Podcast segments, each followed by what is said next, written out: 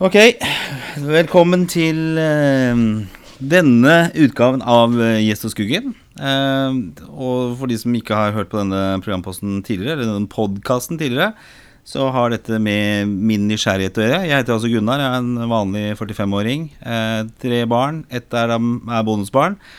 Og bor uten, rett utenfor Oslo, i en villa der ute. Har en jobb i IT-bransjen. Og, men er utrolig nysgjerrig av natur. Og det skaper litt problemer av og til i det sosiale livet. At det rett og slett er uh, overnysgjerrig. Sitter og fritter folk for informasjon.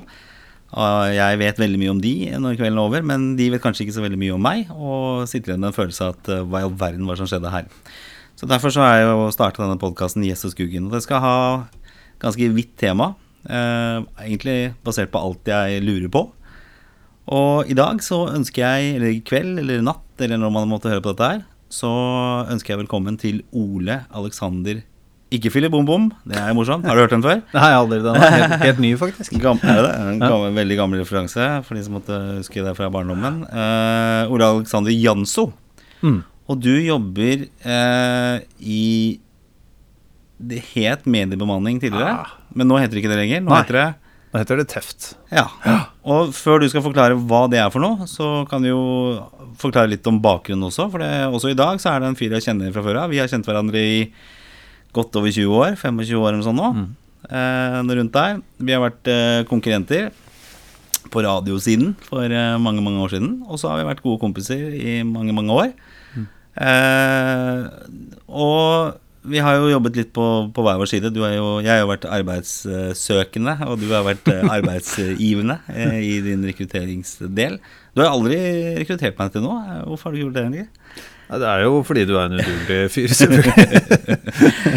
ja, ok, det er greit, greit svar på det. Eh, teft, eller mediebemanning, mediebemanning eller teft, hva, hva holder dere på med? Vi eh, driver med rekruttering. Um, og så pleier jeg å dra på litt og si at vi jobber med arbeidslivet innenfor media- og kommunikasjonsbransjen. Uh, og alle de fagområdene og selskapene som har med det å gjøre. Som jo favner veldig bredt, og det regner jeg med at vi skal eh, tilbake til. Så vi er eh, vi er tolv eh, glade folk som jobber med å hjelpe oppdragsgivere med å finne, finne, de rette menneskene inn i stillinger som er i veldig stor grad spesialiserte. Enten det er liksom spesialister eller, eller ledere ja. som vi jobber med. Da. Men dere jobber ikke med å rekruttere type rørleggere eller uh, den type ting? Nei, det gjør vi ikke. Nei. Vi bestemte oss en gang for at vi skulle drive med noe vi syntes var gøy. Altså Det er sikkert kjempegøy å, å, å drive med, med, andre ting også, men vi syntes det var veldig gøy med den gangen media. da Så har ting fått lov til å utvikle seg ganske mye siden da. Ja, for det er jo mediebransjen og du kommer fra ja, det er riktig. Du var bilselger også, har du ikke vært der? Jo, jeg har vært bilselger. Og jeg har solgt kopimaskiner også, bare for å ta den delen av CV-en. Skikkelig selger. Det vil dere se på bildet, og hvis dere går på, ja, ja. på Facebook-siden her, så vil dere se bilde av Ole Janso, og han, han, ser ut som en ekte selger. En ikke ville kjøpt bil, bruktbil av, i hvert fall. Uh, du, du, sitter jo ganske i, i purra med, med, med, folk som er nyutdannede, uh, bedrifter som er på jakt etter uh, mm. folk. Uh, og det er jo det jeg tenker vi skal grave litt i dag. Eller jeg skal grave litt i dag. Det er jo eh, tenkte um, Hovedteksten her, eller hovedtittelen på denne sendingen, blir jo da 'Morgendagens arbeidsgivere'. Hva er det de er på jakt etter? Og hva er lurt for uh, arbeidstagere å tenke på? Mm. Jeg, har jo en datter hjemme som er 17 år, som skal snart ut i arbeidslivet. Jeg har noen andre barn som er litt lenger bak i leksa. Mm. Men de møter jo kanskje et litt annet arbeidsliv enn det vi møtte. For det både du og jeg, vi er jo det som heter self-made menn. Ja, for menn er vi jo, ja. så det, det, kommer vi ikke unna. eller self-made, eller hva man kaller det. Ja. Vi har jo ikke så veldig mye utdannelse. Nei. Og vi har eh, på en måte klart oss eh, greit. Du har vel mm. klart deg bedre enn meg, men eh, vi, har, vi har klart oss bra da med å ikke ha noe utdannelse. Men ha erfaring, begynne å jobbe tidlig og ha mm. erfaring. Hvordan ser det ut i dag? Hvordan, eh, hvordan, eh, hvordan er det for en self-made man i dag? Ja, det har vel eh, Altså, det, vi er jo faktisk på et eller annet vis, om ikke på vei tilbake til der hvor du og jeg starta når vi kom inn i arbeidslivet tidlig på 90-tallet. Men jeg opplever jo det at arbeidslivet i dag er mer praktisk enn det det var for ti år siden. I form av at siden jeg alltid har jobbet med kommunikasjon og markedsføring, så så var det, det var liksom en sånn periode 2007-2008 hvor alle snakket om strategi. Og jeg må jo innrømme at selv om jeg satt i stolen og burde forstå alt sammen, så var jeg litt sånn usikker på hvilket bidrag, altså hva, hva faktisk gjorde folk. Eh, det var mye prat, rett og slett. Um, mens jeg opplever at i dag så har folk kanskje mer definerte roller, og man er flinkere til å måle ting osv. Og, så finnes det verktøy og uh, ting å jobbe med som er helt konkrete, da. Mm. Så nyutdannede i dag går ut i et litt mer konkret arbeidsliv, opplever jeg, enn det de gjorde for, for ti år siden, f.eks. For, for det er vel litt sånn, jeg merker det når jeg har begynt på videregående skole, og da er det jo mye mer yrkesrettet mm. eh, nå enn det i hvert fall jeg opplevde når jeg begynte på videregående skole i 1992. Mm. Ja, og det, det, tror jeg har Jeg har jo også bare, kan jo si det, jeg har jo også to barn som er henholdsvis 20 eh, og snart 23 eh, som er i videre utdanning, begge to. Um, så jeg har jo også sittet både uh, i salen og hørt rådgiverne på ungdomsskolen og for så vidt videregående også. Uh, og også stått og snakket om dette. Jeg drevet litt med å holde foredrag på, på, for, for, de unge lovene. da. Og det jeg opplever at vi ser blant utdanningsinstitusjonene, og særlig på grunnskolenivå, er at dette med yrkesfag er veldig sånn, det er veldig i vinden akkurat nå. Mm. Det er sånn ta, ta eh, ta disse tre årene og bli, eh, bli helsefagarbeider osv. Um, mens man faktisk kanskje glemmer litt dette med studiekompetanse. Mm. Som jo er, åpner en helt annen dør igjen, da. Så jeg, litt, jeg, jeg, har sittet og vært litt usikker på om det er så smart, det som, det som man gjør på utdanningssiden i dag. Hvor man er veldig flink til å utdanne folk som får ett fag, ett stykke arbeid å jobbe med. Mm. Og så tenker man at det skal de drive med. Og så tenker jeg at det er ganske spesialiserende å bli helsefagarbeider. Det er ganske spesialiserende å bli tømrer. Uh, og da, det, det, kan hende at du angrer på det når du er 32. Eller 42, enda verre. Eller i verste fall 52. Uh, og da, da, står du litt grann der, da. Så jeg, jeg, tenker at utdanning i dag tvinger vel kanskje Eller markedsfører et arbeidsliv som kanskje ikke helt er der på samme måte lenger. For det å ta beslutning til hva du skal bli egentlig når du er 16-17 år, det er jo det er litt tidlig fase. Jeg ante jo ikke hva jeg skulle drive Nei. med, og jeg kanskje ikke det helt ennå heller. Nei, Hvis det tas noen beslutninger om det, så er det ikke du som tar de selv. Nei. Da er det jo foreldrene dine som har bestemt seg for deg. Og det er jo kanskje ikke alltid det beste, det heller. Selv om det også funker jo veldig bra altså jeg mener Arrangerte ekteskap har jo vært en suksess gjennom verdenshistorien. Og sånn er det med karriere også. Så tenker på arrangerte karrierer. Det er jo noen da type legefamilier hvor mm. det forventes at du skal bli lege og advokater osv. Mm. Jeg har jo litt vanskeligheter for å, å liksom pushe min karriere ja. på mine barn. litt sånn vanskelig å forklare hva det faktisk er, på en måte. Jeg, forstår, ja. jeg kan ikke forklare svigermor hva jeg holdt på med. Så det er, det er, vanskelig å forklare ungene Kjent problemstilling ja. i bransjen. Men det jeg ser, da, er jo det at det er jo eh, Du nevner det med foreldrene og sånn, og jeg har vært med på den veien der med disse, disse standene, disse messene, disse mm. utdanningsmessene, når du skal eh, og på videregående skole. Og Det er jo veldig overveldende. Det er veldig mange valg, og de mm. står og pusher, og de selger for harde livet. Og eh, inntrykket mitt er jo at det er jo litt sånn som du har vært inne på. Det er veldig sånn målrettet. At du kan, de, kan, de skilte med at du kan ha en ferdig utdannelse, og du kan faktisk ha en mm. jobb eh, når mm. du er da type 19 år og er ferdig med russetida, eller hva det er, 18-19 mm. år du er da. Eh, så, du, så, du, mener at det er litt tidlig, rett og slett? Ja, jeg, jeg tenker jo jeg, Det er i utgangspunktet ikke noe i veien med det. Eh, fordi at det er veldig mye riktig med det. Det å komme seg tidlig ut i arbeidslivet har jeg veldig tro på. Um, men det betyr ikke nødvendigvis at det du jobber med når du er 22, er det du jobber med når du er 42. Det er jo du og jeg f.eks. et godt eksempel på, tenker jeg. Um, men jeg tror jeg tror det, det, bidrar til å skremme målgruppen litt. Grann, at det virker som om disse valgene er så endelige. Da, eh, og at det er så jeg tror det er veldig vanskelig for en, eh, en 21-åring som er halvveis i et eller annet lengre studieløp, å på en måte dra i brekket og bytte retning, f.eks. Det tror jeg mm, de fleste vil anse som et nederlag. Mm. Jeg tror den personen vil synes det er tøft å fortelle til foreldrene sine eller til vennene sine, for den saks skyld. For da, da, har du blitt voksen. altså Når du er 22 i dag, så er du ganske voksen, faktisk. Eh, og da da regnes det jo med at du har en plan. Alle skal jo ha en plan. Uh, alle skal liksom et eller annet sted. Sånn har det alltid vært, men nå er det kanskje enda drøyere fordi at man definerer seg gjennom ambisjonene sine i større grad enn hva man faktisk gjør. da. Men oppdager du, eller Er ditt inntrykk da blant unge at det er mye mer prestisje nå? Altså det å, det å lykkes og karriere og sånn. altså Det er enda viktigere nå enn det har vært tidligere? Er litt tilbake til det jeg sa i stad. Jeg, opplever at de som kommer som er nyutdannede, er annerledes nå enn det de var for ti år siden.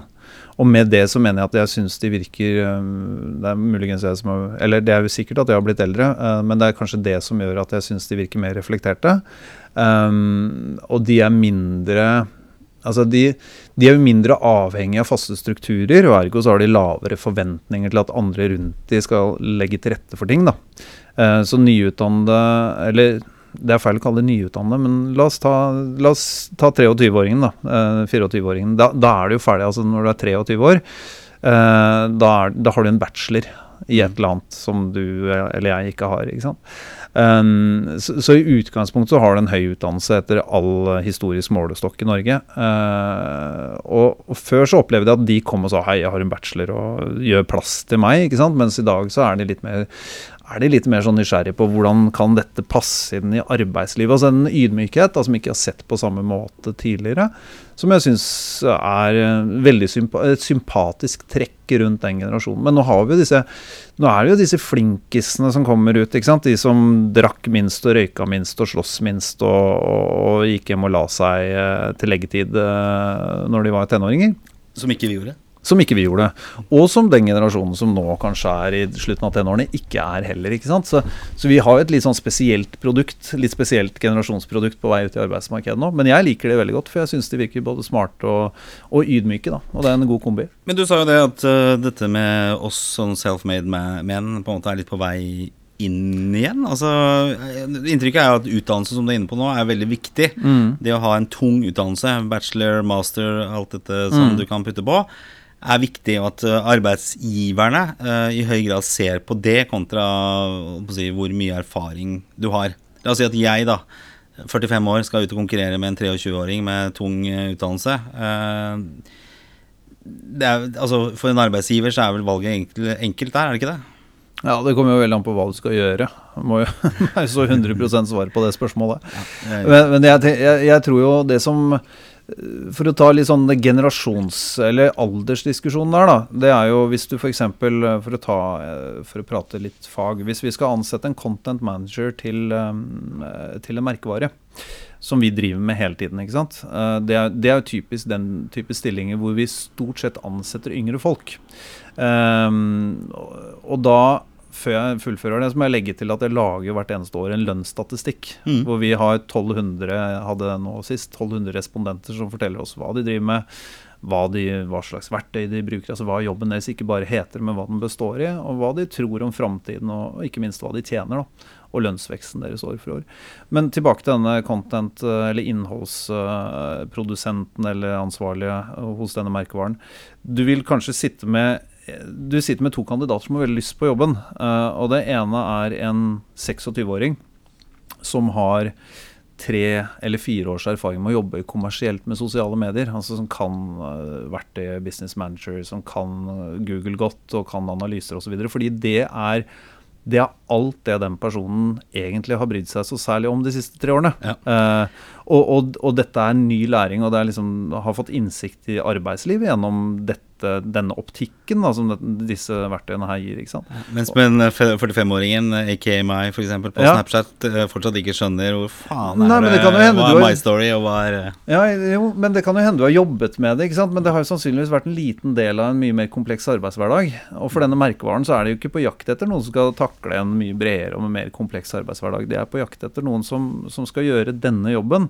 Um, og så skal du ha, la oss si snittlønn for din alder, da. Du skal ha 800 750 000 kroner der omkring. Ja, i hvert fall. I hvert fall, ikke sant? Mens, mens denne Masse gjeld og Ja, ja. Du og, og, og ekstra barn og det ene med det andre. unger som skal utdannes. Og hytte som må byttes taket på, ja, osv. Ja, det må du faktisk. Ja, og, og sykedager osv. Men det er ikke lov å prate om. Men det har lite å si. Men eh, til syvende og sist så er det jo sånn at denne 6-27-åringen tar jo denne jobben for å få kjempegodt betalt når arbeidsgiveren betaler 570. Og da har jeg snudd tallene på hodet. 750 versus 570. Det er ganske mye penger. ikke sant? Ja. Eh, og så I verste fall så ender jo, eh, eller beste fall, da, litt avhengig av hvilken side av saken du står på, så ender man jo også opp med en bedre rekruttering. For man får en som er som har alt å bevise i den jobben. da Ja. Mens eh, en annen kan si nei, det var ikke helt for meg. det der, det der. Jeg har prøvd så mye, og jeg veit hva som er bra og hva som er dårlig, og dette var dårlig. ikke sant? En litt sånn sær eh, satt eh, 45 pluss-åring er kanskje ikke det du vil ha inn i Ikke en sånn jobb som det. Nei.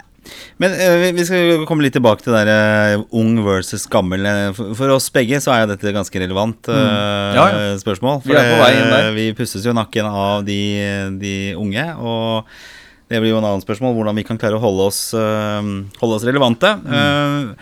Men for å gå litt til, til arbeidsgiverne. Altså hva, hva, hva er det de ser etter? Eller hva kommer de til å se etter framover? Ja, hadde jeg visst det. Um, altså, det jeg opplever at eh, man ser etter i dag, det er jo en stor grad av fleksibilitet. eh, evne til å En ting er å lære nytt, men kanskje enda viktigere å, å avlære gamle ting. da. At man ikke tror at ting som uh, funka før, nødvendigvis har bedre forutsetninger til å funke i dag. Og nå, nå snakker jo ikke jeg om det som funka i fjor, nå snakker jeg om på en måte de vanene som vi legger til oss. Eh, min måte å møte et sett med problem på er ganske gitt. Altså jeg har en, har en intern struktur som ganske, har vært ganske lik. Eh, mens, eh, mens den må jeg tørre å utfordre hvis jeg skal henge med i arbeidslivet. Um, så, så jeg tror um, arbeidstakere i dag de leter etter fleksibilitet. De leter etter forståelse for at en bedrift er et samarbeid, hvor også de ansatte er en av, en av de som samarbeider her. Uh, det, det bør, høres jo helt opplagt ut, men altså det er et regnestykke. Uh, det er noe matematikk og noe økonomi involvert i dette. og Jeg tror det er veldig viktig å jeg tror det er viktig å ha interesse for eh, økonomien i selskapet man jobber i, hvis man har muligheten, altså jobber i den type selskap hvor det er mulig. da. Men at man er en mer en del av selskapet nå enn kanskje man var tidligere? Altså At man ikke Ja. var lønnstaker, gikk hjem klokka fire, og så glemte man Mm. det. Mm. Men har det på en måte også litt med at øh, Jeg i hvert fall merker i min øh, jobb da at du er tilgjengelig 24 timer i døgnet. Altså Mm. Du drar med deg jobben rundt i veldig mange ulike sammenhenger. Eh, I og med at du har en eh, e-mail på telefonen din ofte, og kanskje et eller annet Slack eller noe annet også Mm. som tikker og går hele tiden. Så du, du er jo i, i stor grad involvert eh, mye mer Mm. enn du kanskje var tidligere. Ja. Ja, og det, det er jo litt av Nå kommer jo jeg fra en bransje, da, og for så vidt du også, hvor lønnsveksten har vært veldig eh, høy de siste årene. Eh, og så kan man diskutere er det fordi verdiskapningen har vært så veldig stor. Eh, og så skal vi overlate det til økonomene, for det går jo bra i denne bransjen som tilbyr tjenester som har å gjøre med reklame å, å gjøre, hvis vi koker det ned til, eh, til essensen. Så, så, så det er jo en bransje som tjener penger, men det er fremfor alt en annen driver der, og det er det du er inne på. Det er at de som jobber med dette, de jobber, eh, altså de jobber hele tiden på et eller annet vis. Eh, det er som du sier, det er sånn det er, På et enkelt spørsmål burde du klare å svare når som helst, om ikke på døgnet, så i hvert fall når som helst i din, din våkne tid. Da. Det ligger på en måte som en forventning, og det er klart at det, det slipper du hvis du jobber skift. Det slipper du hvis du bygger hus. Det, det, er, mange, det er mange aspekter som, hvor man slipper det. Jeg tenker at eh, de som helt klart fortjener høyest lønn eh, i samfunnet vårt, har jeg etter og tenkt lenge på det, kommet til at det er faktisk politikerne, for de får jo faen aldri fred. Ikke sant? Altså det, det, det stopper aldri opp. Så, så jobber man i en bransje hvor hvor tilgjengeligheten og omsetningshastigheten er høy da, på informasjon, så vil det gjøre noe med livet ditt, enten du er profilert eller ikke. Det, du trenger ikke å søke å bli kjendis på en måte for at det skal fylles opp i alle kanaler hele tiden, da, for det gjør det jo. Nei. Vi kommer litt tilbake til det også. Ehm, Jeg, eh, men jeg tenker jo dette her med altså, tilgjengelighet også, altså at du er en del av eh, hva du driver med. Jeg tenker at Det er ikke bare vår bransje som har med dette å gjøre. Altså, jeg har bygd hus Faen, altså. Jeg har ikke, jeg har ikke skrudd av den her Nei, igjen. er du ikke tilgjengelig? Du, hallo? Ja. Jeg jeg sitter midt i podkast her. jeg. Du, du ringer jo alltid på det tidspunktet her. Ja. Så, nei, vi har ikke tid til å prate nå. Greit. Hei. hei. Det- kommer til å ringe Det, igjen, du ja, typisk eh, andre gang hun eksen ringer her og maser. Uh, Snakke om tilgjengelighet. Du er tilgjengelig hele tiden. Uh, hvor var jeg? Jo, uh, jeg har også bygd, bygd på hus og hatt eh, entreprenører. Og der har jeg også kommunisert med de i 24 timer i Mm. døgnet. Mm. Uh, ikke bare når de var på, på, på byggeplassen. Nei, men, det eh, sprer seg. Altså, det, ja. det gjør jo det. Så det er tilgjengelig hele tiden. Mm. Altså, Hva gjør det med folk, da? At du er tilgjengelig på jobb eh, så, så mye? Nei, det, det har veldig forskjellige ut, kraftutslag.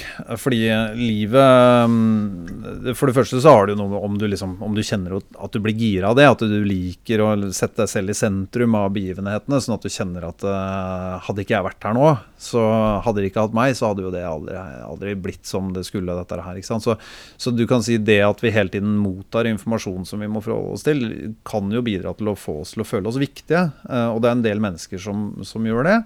Uh, og det er jo fantastiske arbeidstakere, bl.a., fordi at det, de, de, vil jo respondere.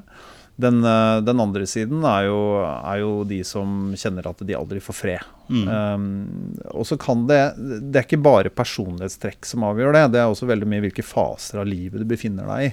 Um, fordi at hvis du har små barn, f.eks., så har jeg sett at det er, en, det er, det er noe som har blitt til en, en, organisering av arbeidslivet. Det er det at Har du små barn i dag, så, så er arbeidslivet er såpass fleksibelt at det er OK at du kommer litt sent, og det er også OK at du går litt tidlig. Eh, men da må du samtidig gjøre alle du jobber sammen oppmerksom på at du jobber på kveldstid. For det er en sånn Ja, jeg gjorde dette i sofaen i går. Hvis du legger merke til det, så, så er, det en, er, det en, dynamikk i det. da. Og den dynamikken er jo ålreit, for den gir jo en sånn tidsmessig fleksibilitet med hvor vi fysisk må være, men den, er, den, gir også totalt ingen fleksibilitet med tanke på hva vi bruker hodet vårt til. Mm. Jeg har jo ikke små barn, så jeg foretrekker jo å være tidlig på jobb, og jeg kan godt sitte ganske lenge på jobben også. Men til gjengjeld så er jeg veldig glad i å, å, å, å skru av varslene på mobilen min når jeg har fri. Men Hvordan er det i forhold til arbeidsgiverne? Altså Forventningene til at du er eh, altså, mer eller mindre tilgjengelig 20 mm. timer, 24 timer i døgnet, eller kanskje i hvert fall 12 timer i døgnet. Mm. Uh, hvor, uh, hvor, hvor, bevisste er de på, på, det fra arbeidsgivers ståsted?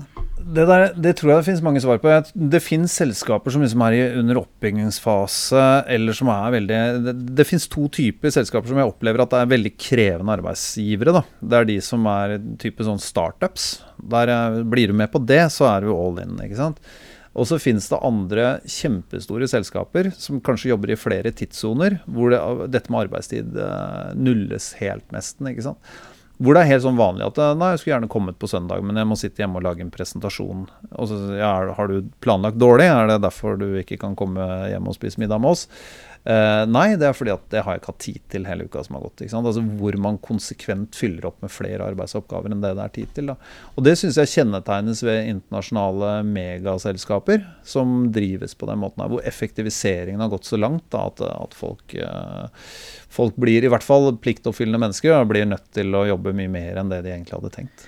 Men er det rom for en arbeidstaker i dag som sier at uh, vet du hva, etter klokka fire så, så skrur jeg av mailen, og du får ikke tak i meg før klokka åtte i morgen? Kommer sikkert veldig an på bransje, det også. Jeg tror det ville vært upopulært hvis det, hvis det hadde vært en regel. Det er, det er, omtrent som en sånn regel som man skulle sagt at uh, hvis sjefen din hadde sagt at uh, Og hvis jeg sender deg en mail klokka åtte i kveld, så svarer du på den, ellers får du sparken. Det, det, er litt sånn det, det, er også, det, er også, ganske usympatisk, da. Det er veldig lite fleksibelt, begge deler. ikke sant? Så, så jeg tror at den arbeidstakeren som, som setter den regelen Uh, setter noen begrensninger for sin egen karriere. Da. Jeg ja. tror ikke den vil være foruten jobb, det tror jeg på ingen måte, men jeg tror ikke vedkommende kan forvente Eller da, da vil det skje ting i en, en, moderne bedrift som skjer utenfor arbeidstiden. Og da tenker ikke jeg på bowling og, og, og øl og sånn, uh, men det vil skje ting uh, utenom arbeidstiden som, som, man går glipp av. Altså ja. hvor man mister det. og så, så, vil man oppleve at man vil være litt på utsiden av, av miljøet. Ja, og jeg, jeg, jeg føler litt på det sjøl. Det der med mm. å føle at du må svare. Ligge på kvelden, og så har det kommet inn mailer, og mm. du, du, tar kanskje det med deg i nattesøvnen, mm. Eh, og du, du, blir litt stressa av det, også når du har ferie, ikke sant. Det har du, ja, ja. har det jo nylig vært vinterferie, blant annet. Og mm. hatt noen dager fri da, og da er jo åpna mailen, og da, da, bare smeller det. Og så plutselig er du i jobb, jobbmodus til tross for at du er, eh, er på ferie. Og det blir jo veldig sånn uklart, Du var litt inne på det i stad litt sånn mm. uklart skille mellom når du er på jobb og, og når du har fri. At det blir en sånn glidende overgang. Jeg syns det ofte kan være vanskelig å sette en feriedag hvor jeg mm. kanskje har brukt eh, tre-fire timer av den uh, på jobb, og kanskje nesten hele dagen på en eller annen form for tankevirksomhet mm. rundt det som har med jobb å gjøre. Mm. Men igjen så er det vanskelig å, å, kanskje bevise eller forklare det, i hvert fall ikke i timelistene som du skal sende Nei. på månedsslutt. Jeg syns det var en sånn interessant greie. Jeg leste en eh, Eller det er sikkert flere som fikk med seg Richard Branson i Virgin. Han, eh, han To-tre år siden så sendte han da ut et memo til alle som jobbet i selskapene hans, om at nå kan dere ta så mye ferie dere bare vil, så lenge dere har fått gjort jobben. Ja. Uh, og, det, og, det, var den forenklingen. Den kom litt sånn seinere, da. Uh, men, men, i utgangspunktet så kom det som et Det var en, sånn, det var en ganske veltenkt strategi, dette her. Hvor, hvor, det var innmari sympatisk første gang du leste. ikke sant? At uh, vi, vi, avvikler ferieordningen, basically. For vi sier da at du skal ha tid til familien din, og vi er opptatt av bærekraft, og at du, du som menneske har det ok. Uh, det eneste vi forventer, er jo liksom at du, uh, du har styr på greiene dine da, før du blir borte fra jobb. Men mm. da, vel, velkommen til det. ikke sant? Hva tenker du om det, da? Jeg syns det virker litt stressende. Hvis ja, det, det tenkte jeg også. Etter, etter veldig kort Etter å ha lest og latt det synke litt så tenkte jeg at dette her er kanskje noe av det mest manipulative jeg har sett fra en arbeidsgiver noen gang. Da. Fordi eh, da, da, vil du aldri ha god samvittighet. For jeg har aldri satt meg på flyet på fredag morgen for å dra på guttetur eller uh, tur med kona til Paris og liksom kjent at det, skrivebordet er helt reint. Det, det, har på en måte vært en kostnad i det. Så, så jeg, jeg tror jeg tror de reglene som vi har i arbeidslivet, de må vi, de må vi ta godt vare på.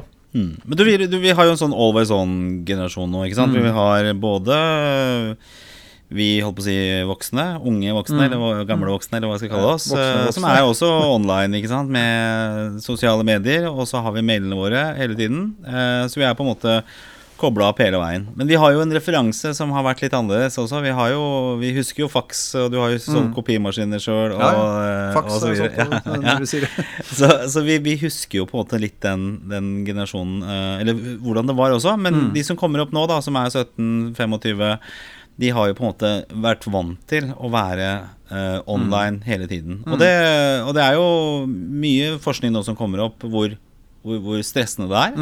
Mm. Eh, hvor lite f.eks. ungdom sover. Mm. Eh, mye pga. at de er connecta. Eh, hva, hva, tenker du om eh, jeg, Bare for å fullføre spørsmålet. da så Jeg har jo vært i, i startup-selskaper eh, tidligere hvor, som har spist eh, arbeiderne sine. For de har jobba så utrolig mye. Selv om de syns det har vært fantastisk gøy, så har de liksom vært så altoppslukende. Hvordan vil dette her påvirke folk videre? Altså 17-åringen min, mm. 23-åringen din. Altså, problemet med mennesker er jo at vi stort sett alltid tenker at uh, det vi gjør akkurat nå, er det viktigste noen gang. Ja. Dagen i dag er jo det. Og det er jo, det, det er jo sånn Carpe Diem og alt det der. Men, eh, men man har liksom masse ut man, man, har masse unnskyldninger da, for ikke gjøre det man egentlig hadde tenkt å gjøre. Fordi at det er så masse viktig som står på to do-listen. Enten det er å, å ha en uh, snap strike, eller det er uh, å, å, skrive en strategirapport. ikke sant? Uh, og det som jeg tror, og nå bare spekulerer jeg, og jeg er på ingen måte psykolog eller atferdsforsker innenfor det, men, men, jeg tenker de som har vokst opp og tenkt at mobilen deres er så viktig når den handler om trivielle ting som det å vokse opp, når de får litt avstand til sin egen oppvekst og skjønner det at alle andre også har vokst opp, så tror jeg de kommer til å synes at den jobben de har er så jævlig viktig at den kan få lov til å spise de med søkket og snøre, den også. ikke sant? Så, så, hvis det fortsetter, hvis ikke vi ser en sånn helt konkret motkonjunktur da, på dette her, eh, hvor vi begynner å diskutere dette med digital helse versus psykisk helse, at det faktisk blir løfta opp på bordet i hele sin, eh, hele sin grelle bredde, eh, så tror jeg vi ville få et problem. Men jeg er jo optimist, så jeg tenker at det kommer til å skje. Jeg tenker at, den, at det, vi må ansvarliggjøre, ansvarliggjøre oss selv, da. Fordi det er så lett å bare flyte med, ikke sant. Du får en litt sånn retro-generasjon som kommer opp etter hvert, som Nei, jeg, jeg, kaster mobilen ikke, sin eller leser papir. Jeg, jeg, tror ikke, jeg, tror ikke, det. ikke sant? Altså, jeg mener vi har hatt hvete i, i, i, mange, mange mange tusen år, eh, og vi har malt den, og vi blir tjukke og late av det. Eh, og vi har ikke slutta å spise hvete. Det er noen som prøver, eh, men, men langt nær de fleste lykkes. ikke sant? Så, og dette er litt det samme. Jeg tror, jeg tror det er en komponent i et liv, sånn som det er i dag, og sånn kommer det til å fortsette å være. Og så må man klare å beherske seg på et eller annet vis. da. Jeg husker uh, Lillelørdag, fra, Mm. jeg si, når det kom første gangen, så hadde du en, eh, et innslag som var gamlis-generasjonen. altså det var Ja. ungdom som lata som de var gamle. Ja. eh, og tok avstand fra det norske Nei, det moderne teknologisamfunnet. da Det kan jo hende at du får opp en del sånne type ting. Altså sånn type digitale veganere eller noe sånt noe. Ja, men det tror jeg, men, men problemet er det at hvis du, hvis du hadde tatt konsekvensen av det og sagt at det, nei, jeg, jeg vil ikke ha smarttelefon f.eks., da, da er du satt sjakkmatt. Eh, i F.eks. hvis du jobber med, mm, innenfor kommunikasjonsbransjen. Det ville jo vært et, et skrekkelig handikap å ikke ha det verktøyet. Ja. Det er vel kanskje unaturlig å, å ha den holdningen også, hvis du har lyst til å jobbe med kommunikasjonsbransjen eller digitalbransjen også, Ja. for den saks skyld. Men kanskje hvis du er eh, elektriker eller snekker eller den type ting, så kan det hende at du har en litt annen, approach. Men jeg har jo merka de, de er også Jeg skulle jo skifte noen kontakter nede i, på, nede i underetasjen. Og da er jeg jo på, eh, på mitt anbud, eh, og jeg får jo svar eh, seint og tidlig Ah, ja. fra elektrikere på, Ikke på de forespørslene. Så de er jo også på Ja. hele veien. Ikke sant? Ah, ja. Og jeg, jeg tenker jo det at det har litt å gjøre med at um, jeg har og du, Uh, vi er jo veldig heldige. ikke sant? Vi er i midten av 40-åra og vi har jobba digitalt. Jeg husker jeg satte opp uh, det første nettverket tidlig på 90-tallet. Altså, det var sånn Vi åpna en av de fire norske nettsidene som fantes. Uh, og, og, og på en måte hele tiden vært opptatt av å ligge foran på dette, her, fordi det er det vi har jobba med. Um, men i starten så var vi jo tøysete med det. ikke sant? Altså vi, vi tilla jo det digitale altfor mye vekt. Uh, vi skjønte jo ikke at det bare var et språk eller bare en måte å være, være i samfunnet på. Uh, og jeg tenker at en del, en del bransjer som ikke er digitaliserte, gjennomdigitaliserte, sånn som kommunikasjonsbransjen er, de kan nok våkne midt på natta for å sjekke mailen fortsatt. Eh, mens det skjer nok i veldig liten grad, uh, fordi det, vi har da et varsel hvis det begynner å brenne. ikke sant? Eh, som ville, ville dra, trekke, trekke i nødbremsen hvis, det, hvis noe skulle skje med omdømmet vårt, eller aksjekursen skulle stupe, eller ja, Hans Gelmin skulle si noe dumt om deg. Da kommer sånt. eh, push-varslene med en gang. Ja. Men eh, for å ta tak i den delen der, da. Hvordan det generelle norske bedrifter, hvordan, hvordan ligger de an i forhold til digitalisering? Ja, nå jobber jo jeg for det aller meste i Norge. Um, og så jobber jeg mest med bedrifter som har ganske sterk norsk kultur. Uh, men det er også noen internasjonale merkevarer som vi har på, på kundelista vår i Teft. Uh, og jeg opplever jo at vi ligger veldig veldig langt framme i Norge når det gjelder digitalisering. Altså, både samfunnsmessig og, og, og, og, veldig mye av konsepter og måter å tenke på sånn testes jo ut bl.a. i Norge som, som et veldig tidlig marked. Um, så jeg mener jo at vi ligger veldig, veldig langt framme. Uh, og jeg mener også det at uh, vi ligger såpass langt framme at vi, vi gjør en del sånne førstegangsfeil. Som, som, er sånn, som, er ganske, som kan ha ganske store konsekvenser for oss mennesker, som mennesker, men også for samfunnet vårt. Uh, hvor, vi, hvor vi liksom ikke helt klarer Vi, vi skjønner hva den teknologien er, og vi, vi, forstår hva den kan brukes til. Uh, og, så, og, så, bestiller vi for mye av den på et eller annet vis. Da. Uh, så, så vi går i den fella der. og Private bedrifter gjør det, og det offentlige gjør det i ekstremt stor grad. Uh, digitaliseringsbølgen i det offentlige er jo en, det er jo en trussel mot produktiviteten i det private næringslivet, sånn som ting ser ut nå. Men det er en egen podkast. Ja, det er en egen podkast. Ja. Og, det- og det har vel kommet litt andre elementer inn også, nå med digitalisering, altså GDPR, Ja, ja. eh, som gjør ting mer komplisert, men Mm. også kanskje har vært synliggjort litt hvor, hvor sårbare vi kan være også. Mm. For type informasjon som blir lagt ut. Men også hvor, hvor avhengig vi begynner å bli av teknologi totalt sett. ja. leste en bok her for en stund tilbake som heter uh, Digital Storm, eller et eller annet sånt. Mm. Det er jo en type Armageddon, for det, vi går offline, og der, eh, der går også strømleverandørene, atomkraftverkene og betalingsterminalene og mobilnettet. Alt blir på en Mm. Knekt, da. For det vi, eh, og det er også en annen podkast igjen. Det er jo den, Ja. den neste store Armageddon. Eh, Min spådom er at den blir digital, men det er som sagt en helt annen Vi kunne altså, I den grad det fantes Hvis vi hadde lagd grammofonplater tidlig, tidlig på 1900-tallet, så hadde vi diskutert akkurat det samme problemstillingen rundt elektrisitet. Ja. Ikke sant? Så, så det er jo Jeg tenker at det er ikke så rart at man prater om det. eh, og det er ikke så rart at det blir sånn heller, fordi at vi vil alltid tilbake til snekkeren. da, Snekkeren vil alltid benytte seg av det mest effektive verktøyet som gjør at eh, huset føres opp på best mulig måte så fort som mulig. ikke sant? Så, Men, men i forhold til digitaliseringen, da. For det, øh, og du, du er jo bilinteressert. Ja. Eh, og før, når du leverte bilen din på service, så, så hang jo han mekanikeren under bilen. Og, Mm. Men nå er det jo ofte PC-en eller Mac-en som blir kobla til, eh, til bilen. Mm. Eh, og den blir jo mer og mer digitalisert, den bransjen også. Mm. Eh, og det å ikke være digitalt kompetent da, i Mm. dagens arbeidsmarked, er jo vanskelig. Ja, det er vanskelig, men det er ikke umulig. Ikke sant? Altså det, det, det er jo viktig å si det at det, basis basistjenestene i samfunnet vårt er jo ikke Eller mange av basistjenestene er jo ikke avhengig Du er ikke avhengig av å være dyktig digitalt for å utføre de. Eh, og tross at basis, det ligger i navnet, det er jo de viktigste tingene i samfunnet vårt, som løses av folk som i utgangspunktet gjerne må være digitale, men ikke trenger å være det.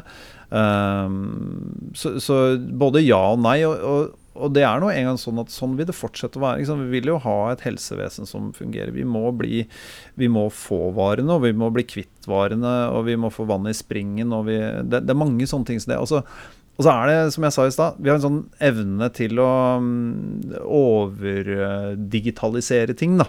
Eh, og det er klart det at vannverket eh, er jo helt sikkert dønn digitalt i dag, det vil jeg tro. Eh, men jeg tror også det at de fortsatt har mekaniske ventiler og, og pipekoblinger. Um, og tilbake til bil. ikke sant? Altså det, er, det er jo det, det digitale er en ferniss rundt fire hjul og et ratt og, og en eller to motorer som går på bensin eller diesel eller strøm. Altså det konseptet er jo dønn likt. Ja, du har jo fortsatt støtdempere og fjæringer og er- akslinger. eh, Ikke sant? Og du kan ikke erstatte dem med en mikroskip. Du er nødt til å ha gummi og stål og olje og greier for å få tinga til å gå rundt. Og det er jo litt sånn Det er jo retro, du var inne på det i stad. Liksom man, man søker litt tilbake til det gamle, og jeg syns jo jeg syns jo det er fantastisk å sitte bak rattet og ha den mekaniske følelsen. Det er jo det, er jo det jeg søker. ikke sant? Og, og, og det, det er jo pussig nok det man mister når man kjører en Tesla. Um, men så lar man seg allikevel imponere av alle de andre tingene som kommer i stedet for deg. ikke sant? For det er vel eh, Jeg tror liksom teknologifriker har liksom fått mer, eh, mer interesse for bil Ja. når type Tesla kommer. Før så var det litt sånn petrolheads, og det skulle være bensinlukt og olje og eh, Ligge litt under bilen og, og mekke. eh, mens nå er det jo Du, du kommer inn i en, en, en teknologiverden når du setter deg inn i Tesla. det. Må ikke finne på da, da, ryker, da, da, da mister du garantien med en gang hvis du liksom skraper en liten skrue. Men hvordan, hvordan, hvor- Nå er vi inne på veldig sånn den- teknologiske delen av eh, arbeidslivet. eh, og litt naturlig i og med at vi, vi to holder veldig mye på med det selv. Eh, men eh, litt sånn menneske versus eh, maskin, da. For eksempel, jeg vet jo i min bransje at veldig mye er i ferd med å ta, oss, ta over av datamaskiner datamaskiner og det virkelig store buzzordet, nemlig algoritmer. Ja. Eh, hvordan, hvordan tror du den kampen blir framover? Maskin mot menneske? Altså Først og fremst, så, som vi var inne på i stad, dette vil jo treffe Norge som et av de første. Ja. Altså Det som vi alle sammen har jobbet oss opp imot, å være et moderne samfunn, det vil jo på et tidspunkt potensielt sett kunne bite oss godt i rumpa fordi at det blir færre jobber i samfunnet vårt. For vi ender opp med basistjenestene som det aller viktigste, eh, samtidig som vi digitaliserer og automatiserer store deler av samfunnet. Som, eh, altså Hvorfor skal noen ringe deg på jobben og tilby deg billigere mobiltelefonabonnementer hvis eh, en kjøperside og en selgerside med algoritmer hele tiden sørger for at du har det. Jeg kjøper jo strømmen min på den måten der nå. ikke sant? Jeg kjøper det med Tibber, og da kjøper jeg den billigste strømmen i, i Norge til enhver tid. Og det irriterer jo alle strømselgerne veldig. Så, så de er jo i ferd med å forsvinne ut av markedet.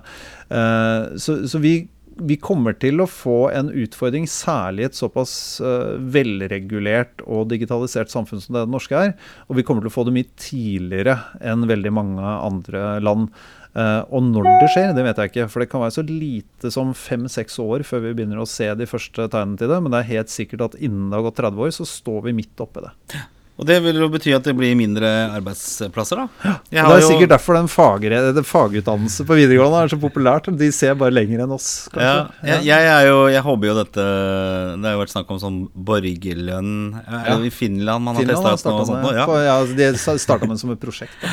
Er det litt sånn fordekt Nav, eh, Nav-penger, egentlig? Dagpenger? Eller? Vi har vel en god del borgerlønn i Norge også, egentlig. Eh, tror jeg. Det er jo en, I Norge er det jo foreløpig forholdsvis lite arbeidsledighet. Det er vel Mm. rundt 4 er det ikke det? 3,8, 3,9? Ja, det er- ja. Det forsvinner lite. Det forsvinner lite. Mm. Men i, i framtiden så vil jo det å få nok arbeidsplasser til alle vil vel bli en utfordring. Altså, jeg, jeg, som sagt, jeg ser jo fram til det derre Ja, Gunnar, nå får du apanasje. Eh, Ja, ja. Her er din borgerlønn. Gunnars apanasje. Ja. Jo, men altså, det her er jo makro. Dette er supermakro. Det er jo så mange elementer som spiller inn i dette her. ikke sant? Og det, det forutsetter jo eh, Driverne i den utviklingen her eh, er jo f.eks. globalisering osv. Vi er helt avhengig av globalisering for å sette oss selv i den situasjonen hvor vi kan få penger uten å jobbe. Mm. Fordi at eh, ikke noe land i verden klarer det på egen hånd. Man er nødt til å faktisk et, er nødt til å være en del av en samfunnskonstruksjon da, som gjør at det er mulig. Men men jeg tror eh, en utfordring i Norge på kort sikt er at vi har eh, for lite arbeidskraft, kvalifisert arbeidskraft, innenfor en rekke områder. Og så vil vi på et tidspunkt plutselig oppleve at vi står med veldig mye ukvalifisert arbeidskraft som ikke har noe jobb å gå til. Hva definerer du som ukvalifisert arbeidskraft? Eller hva kan bli? Det kan være, det kan være f.eks. folk som har brukt mange år for å ta et litt, eh, et, et litt eh, spisst eksempel. Det kan være folk som har Lingvister eller ja, nei, men, ja, men de Jo, men det er spennende, for de må jobbe med teknologi. Så det, lingvister kommer til å ha mye å drive med inntil teknologien finsleiper sin egen språkforståelse. Eh, men hvis du ser på økonomene, da. eh, så er jo det, det Jeg tenker det er det første huset som brenner. Eh, det er jo de som har studert økonomi. Eh, og som ikke sitter som beslutningstakere eh, og jobber med finans eh, og på en måte forstå det, de, de aller største mønsterne. Men da Fordi- tenker du på de boiler room-gutta nede på Nei, nei, nå tenker jeg på regnskapsførere. regnskapsfører. Ja. ok, ja. Altså Det er jo ingen grunn til uh, Brannfakkel herfra, da. Det er ingen grunn til å ha regnskapsfører om 15 år.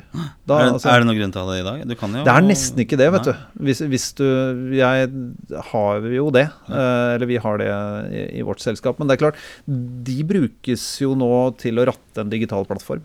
Mm. Som egentlig løser alt det der sjøl. Og, og det er jo ikke noe grunn til at den ikke skal fikse det uh, helt på egen hånd. Så, så jeg tenker sånn kontering og føre bilag og den type ting, det kommer det jo naturligvis til å være behov for, i hvert fall så lenge jeg kan forstå.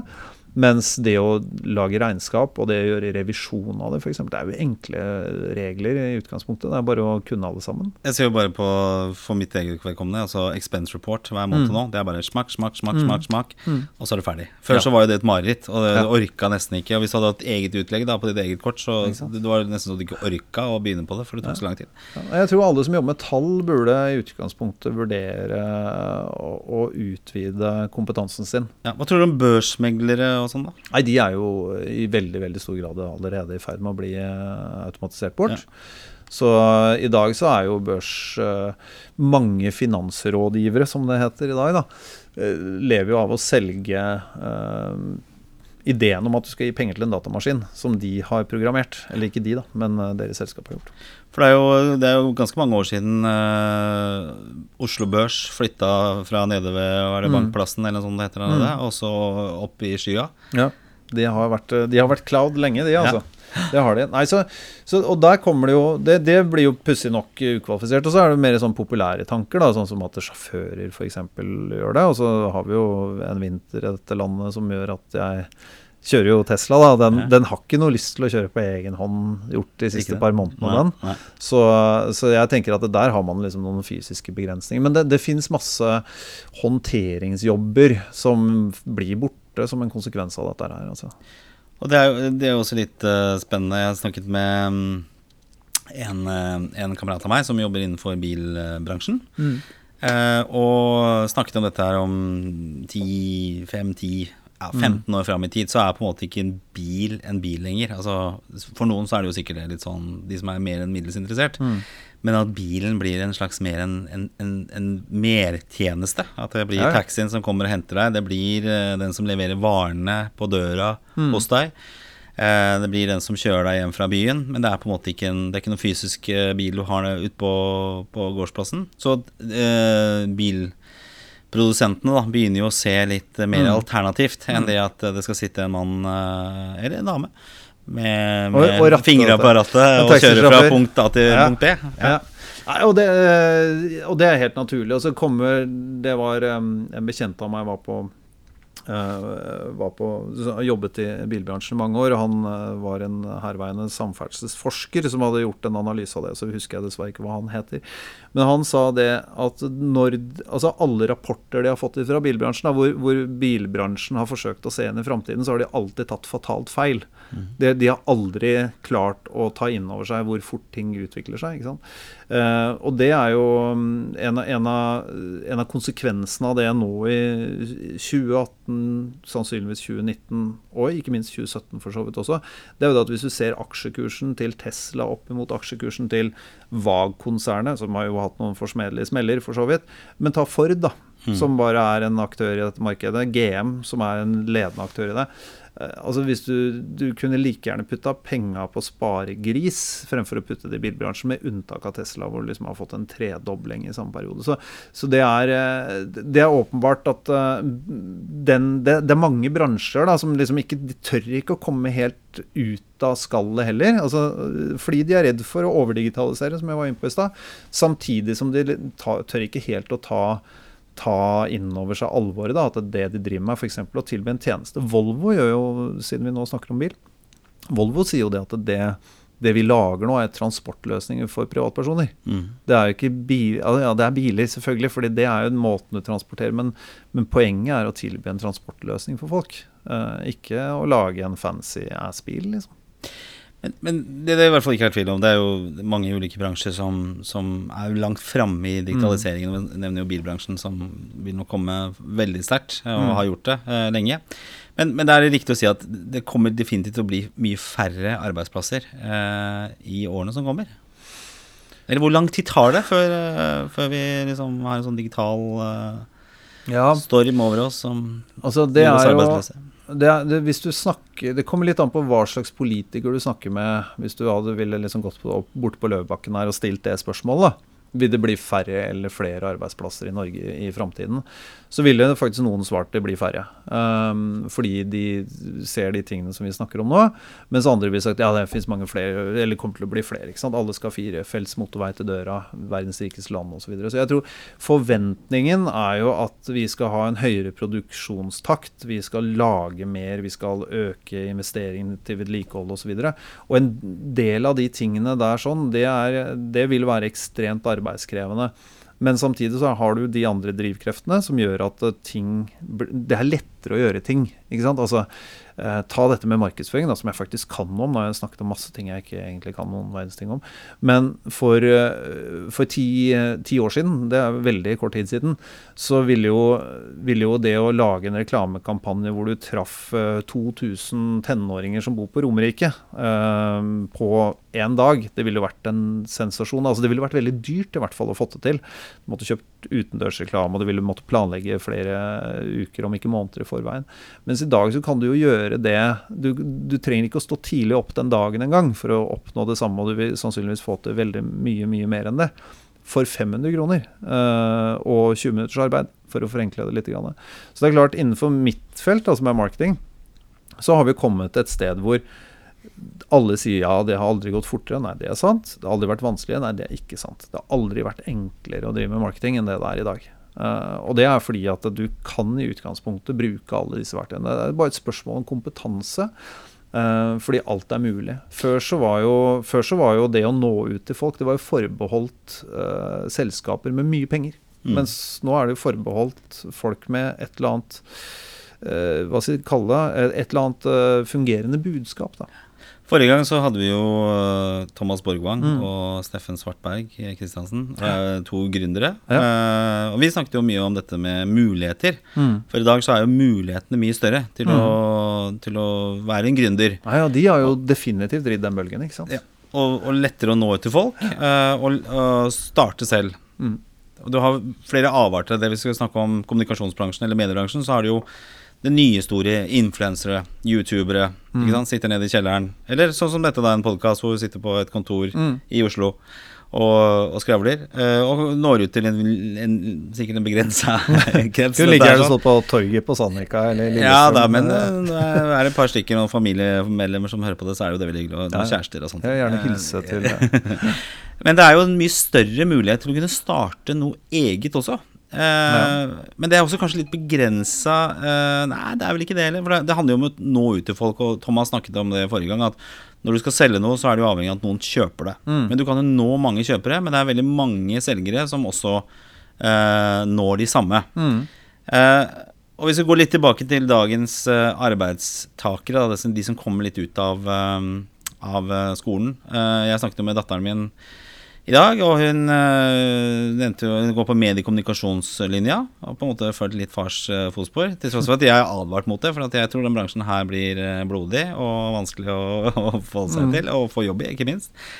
Men Og så kom vi inn på dette her. Hun var jo glad i Sverige og hadde lyst til å reise til Sverige for å bli influenser i, i Sverige. Hun er glad i Sverige og vil reise til Sverige. Ja da, og, og glad i influenserbransjen, da. Ja. Hvordan, hvordan, hvordan er den delen, hvis du liksom Litt blant de unge nå, da. Ja. Dette, denne drømmen om å slå igjennom, dette kjendiseriet, er det Ja. på en måte, tar det veldig mye plass? Ja, det tar mye plass, tror jeg. Um, og så er det nok sånn at de fleste som vi møter, har rista av seg den, det der der. Altså de, de Det er litt sånn Hvis du ikke er um, hvis ikke du er proffspiller når du er eh, noen og 20, da blir du det aldri. Og sånn er det litt med å bli influenser også. Eh, I hvert fall i det bildet som de som vokser opp har. da. Eh, hvor det handler om å, mye sponsa ting og artige reiser og spennende nettverk og sånne ting som det er der. Så- men jeg tror den, den drømmen er i live hos veldig, veldig mange. Um, og, og, og jeg tror, og og det er sånn typisk Jeg var sammen med noen kompiser her i helgen hvor vi satt og prata om dette, sånn som menn i min alder typisk gjør. ikke sant? Og det, det er jo ingen tvil om at det, det er tendenser til en ganske nedlatende tone rundt bordet. Er det sånn ungdommen nå til dags? Lite Nei, det er ikke det, tro, men det er liksom sånn Men hvorfor er det så jævlig spennende å se noen sminke seg? Det, det har vi jo det, Forskjellen er jo at nå gjør man det på YouTube eller eh, Det Kanskje ikke så spennende for menn eh, 45 Nei, det har jo pluss, aldri vært- vi det var har jo det som var poenget mitt, på kona skulle sminke Ja, seg er i jo- 25 år. Sitter bare i bilen ja. og vrir på en knapp, ikke sant. Nei, men, men, men det, er- vi har lett for å være litt nedlatende. Så hvis du har en tenåringsdatter, da, så må jeg, det må jeg si det er kudos til deg å liksom lytte til det og, og, og, og faktisk prøve å forholde seg til det. For jeg tror det finnes mange tenåringsdøtre der ute som skjønner at de aldri kunne sagt det. Eh, At, eh, at de liksom det er, det er veldig mye annet altså, som var helt totalt uakseptabelt for få år siden, som man kan si. Men liksom Nei, jeg har faktisk lyst til å bli influenser. Og da sier jo far, eh, altså meg, eh, ja Ja. ja, mm, ja, Mm, vi får jo se da. Og så vrir jeg meg, ser vel litt innvendig. Men det er klart hvis du skulle slått igjennom, så hadde jo ikke, det jo ikke vært Du jo kan jo ikke si det at det er helt umulig heller. For du ser jo eksempler hele tiden på Mm. de som du kanskje har dine betraktninger om, om uh, har alle, alle sylinderne på plass Mm. uh, rent mentalt, men som også gjør det veldig bra. Ja. Uh, vi snakket også om en, om en annen ting, da, bare for å ta dette lille sånn refleksjon rundt ungdommer i hus. Og eh, jeg så det var noen som hadde posta noe fra en prof professor, eller nei, psykolog, var det.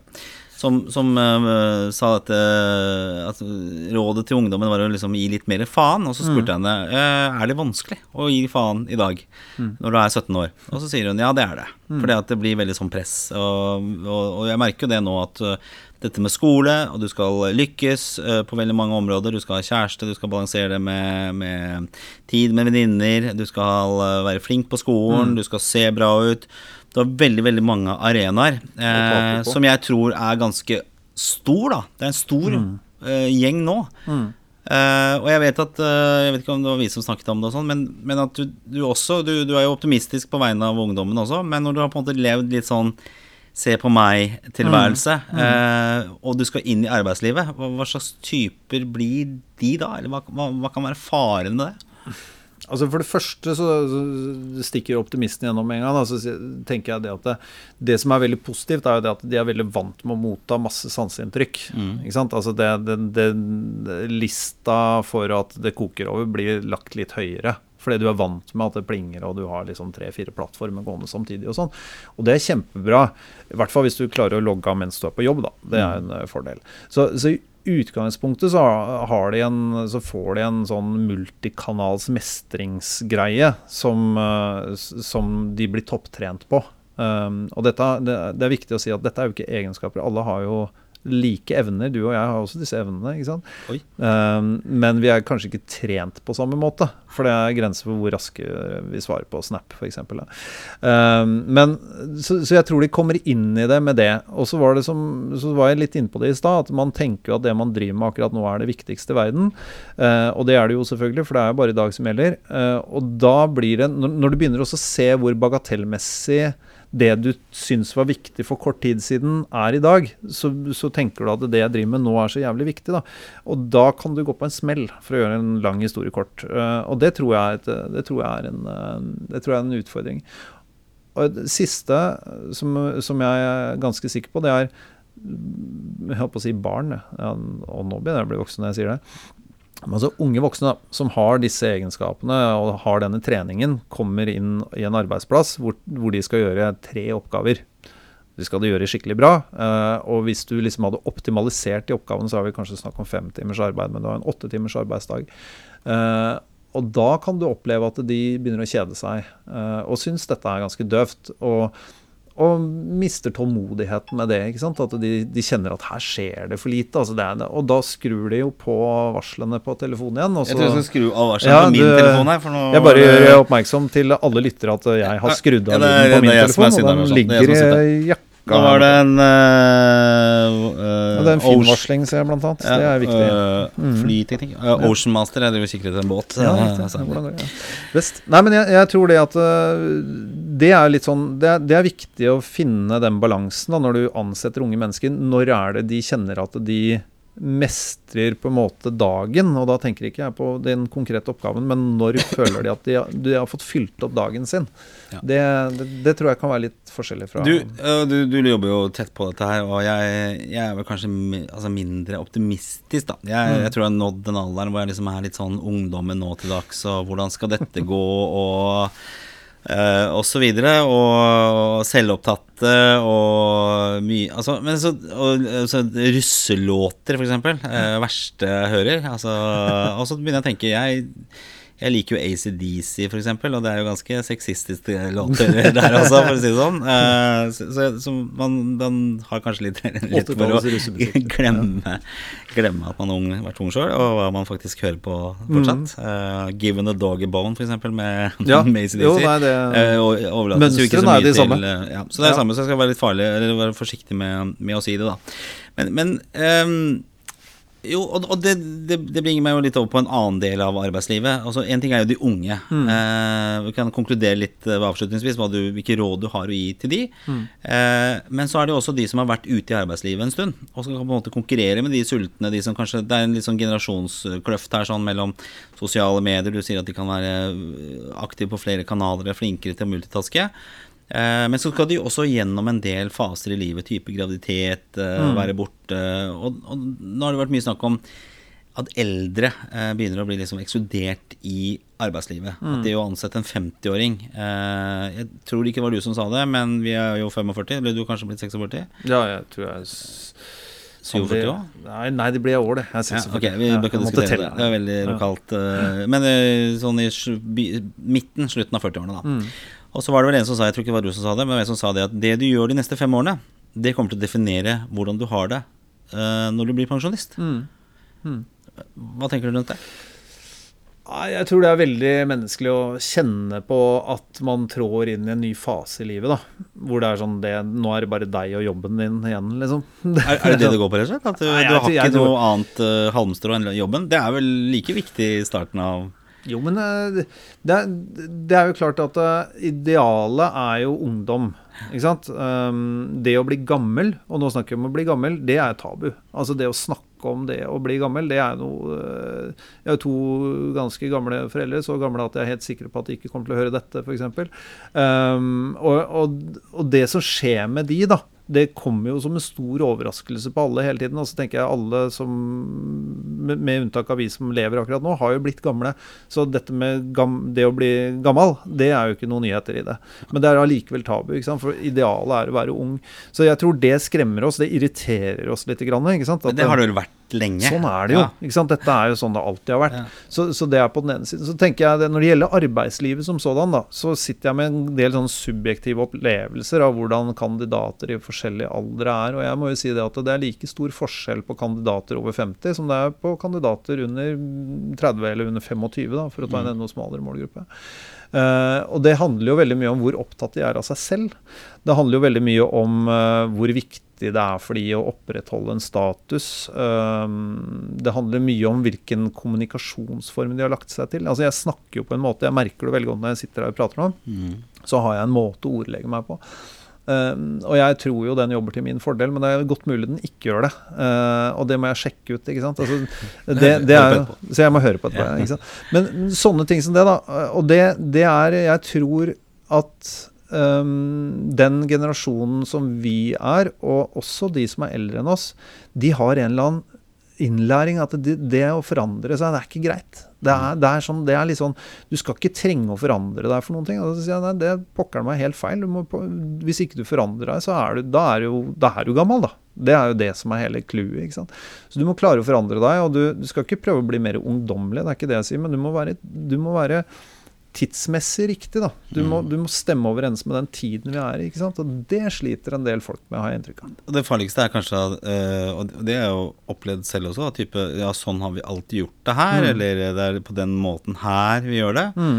Og da blir jeg litt sånn Ja, men hvorfor det? Hvorfor skal Ja. vi gjøre det på den er det så, og Man skal på en måte ha respekt for det også, men det er jo aldri de som på en måte har pusha grenser. Og jeg tenker, og skal du være helt ærlig, da, hvis du ser på eh, spesielt artister, Mm. Uh, musikkartister Gammelt ord å si det på.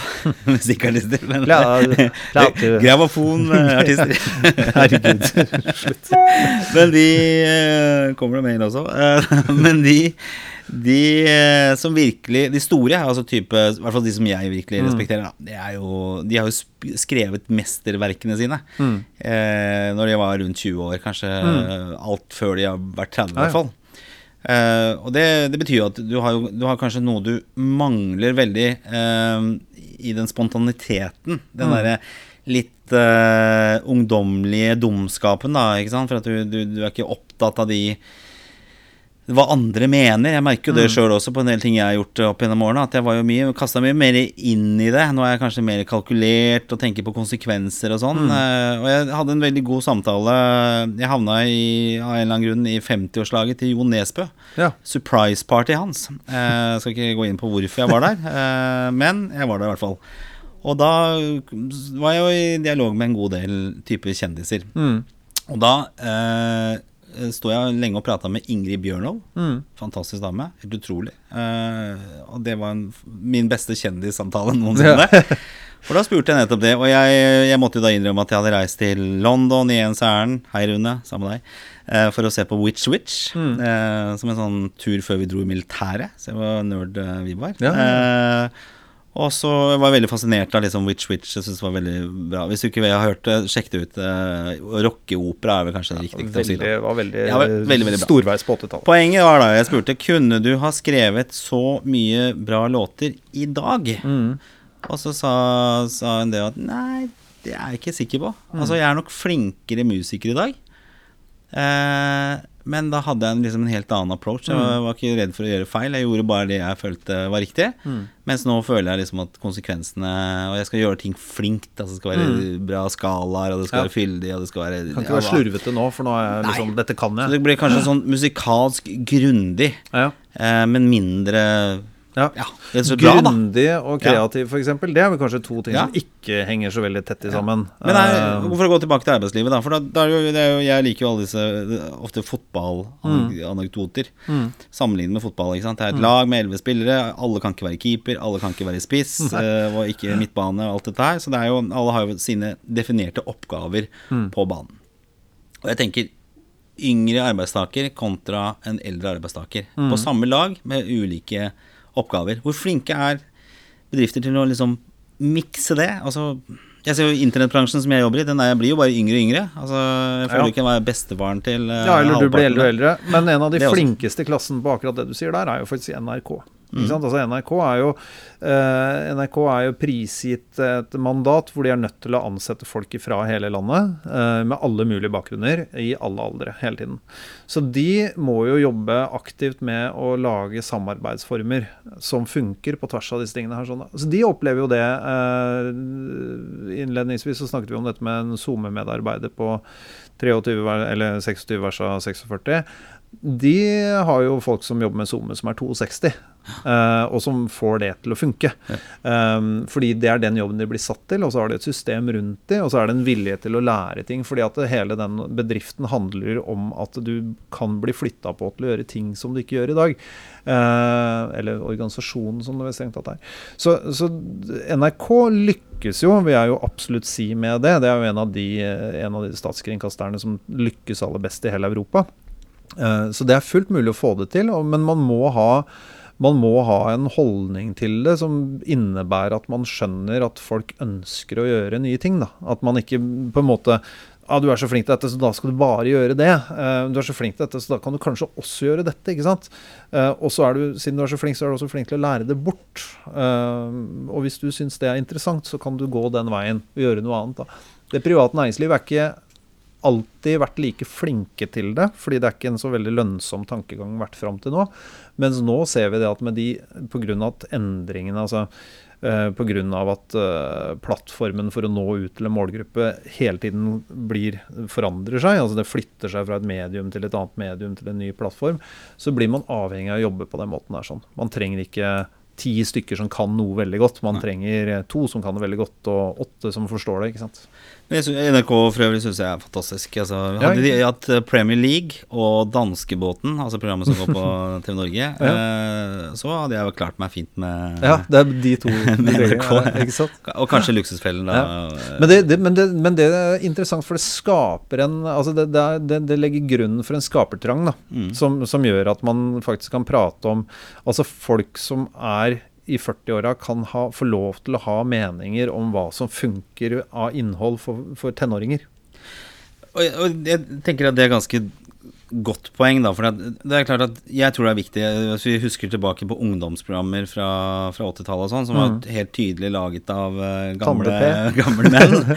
som var gammel alder den gangen, da. Han var kjempegammel da. Ja, da, så, så nå har på en måte Man får mer av de, de, de, de yngre som kan på en mm. måte assosiere seg med hva du lager innhold til. Eller hvem du lager innhold til, er jo selvfølgelig viktig. Mm. Men jeg tror også litt på at det er, det er mulig å, å, å, å liksom differensiere mye mer da, på, på alder. Mm. Uh, og jeg, jeg, tenker jo det er sikkert fordi at jeg begynner å bli gammel sjøl, at jeg begynner å se den tendensen i arbeidsmarkedet. At det er litt sånn som Topplederne er ofte godt voksne folk. Mm. ikke sant? Mm. Litt sånn eldre mann som er toppleder, som vil gjerne omgi seg med unge medarbeidere. Ja. Eh, litt sånn som en type uh, gammel playboy eller Vær forsiktig hvor du ja, går hen nå. Eh, ingen bedrifter nevnt her. Skal vi ikke ta noe, ikke din bedrift heller. Det skal vi ikke snakke om. Men vi, vi, vi, vi, ser vel kanskje litt der, og man vil gjerne ha de nye ideene? Mm. fra de, fra de nye, nye, folka. Men jeg tror også det som altså, Vi var jo inne på det i stedet der. Hvis du ikke er villig til å endre deg, da. Hvis mm. du ansetter noen bare for at bedriften skal endre deg. Mm. Men du har kanskje litt samme mindsettet i, i hodet fortsatt? Men du, altså, du, har de samme forventningene til folk som det du hadde før, men du har endret spillereglene, ikke sant? Ja. Egentlig. Ja. Det er det som er. Jeg kan si en ting om det, for jeg, jeg var på et foredrag på, på fredag um, hvor vi møtte et, en sånn liten sånn møteromshappening med markedsdirektører. Og det er innmari spennende, for da viser de måten de tenker på. Da var det en av de der som forklarte hvordan deres organisasjon hadde gått fra å jobbe planmessig år for år til å jobbe det de kaller agilt. Da, hvor de ser her har vi en ting som vi kan forbedre, da forbedrer vi det. Uh, og Det hadde jo bidratt til flere ting. De hadde måttet ansette masse og leie inn for så vidt også masse kompetanse de ikke hadde før. For nå skulle de plutselig lage uh, løsninger, selvbetjeningsløsninger digitalt, og, og, og, utfordre egentlig alt sammen. Formålet var ikke å utfordre i seg selv, formålet var å gjøre det bedre. Um, Men summen av dette var jo at det, for det første ble organisasjonen stor. Du hadde plutselig ingeniører, matematikere, kommunikatører, kreative, designere, bla, bla, bla. Du fikk liksom en kjempebredde i hele organisasjonen. Eh, og lederne var jo de samme. Eh, så lederne fortsatte å gjøre det ledere gjorde, som egentlig var det du sa i stad. De liksom de fortalte hva de ville at det skulle bli, og så lente de seg litt tilbake. Men så var disse litt smartere, så de begynte å spørre hva, hva, er, hva er vanskelig begynte å spørre alle disse nye, da, eller disse mellomlederne og spesialistene som de nå plutselig hadde i organisasjonen sin. Uh, og det de fikk tilbakemelding om, var det at ja, dere er veldig flinke til å ville gå framover, men dere hjelper oss ikke med prioriteringene. Så det de fant ut, var det at det, toppledergruppa, det, det gamle ledermøtet var sånn Ja, hvordan går det hos deg? Ja, det går bra, ikke sant? Uh, hadde gått helt bort ifra det til sånn Her er de tingene vi skal prioritere denne uka. For det var det organisasjonen trengte. Fordi de hadde så mye på gang, da, for det skjer så mye i den organisasjonen nå. Det går veldig bra for de også. Uh, men de som jobber med endringen, de vet ikke hva de skal prioritere. Eller de er redde for å prioritere feil. Uh, fordi det, det, de alle hater, da, det er det at vi brenner for et eller annet og begynner å jobbe med det. Og så halvveis eller nesten hele veis så kommer noen og sier ja, men det er ikke så viktig. Dette er viktigere. ikke sant? Så ansvarliggjøre topplederne for hva som skal prioriteres. Hva er jobbene som skal gjøres?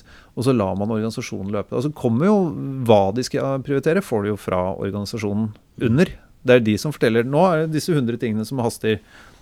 Vi har ikke tid til mer enn 20. Ta Plukk bort de 80. Det er ledig jobb. Det syns jeg var utrolig Det var en eye-opener av et foredrag, for jeg tenkte shit, det der er De har jo virkelig forandra seg. Ja. Det må jo Det må man jo. Mm. Er, det, er, det, litt av sånn nøkkelen uh, framover, uh, tror du? Både som arbeidsgiver, selskap, og som arbeidstaker, at det må være villig til å gjøre forandringer? Ja.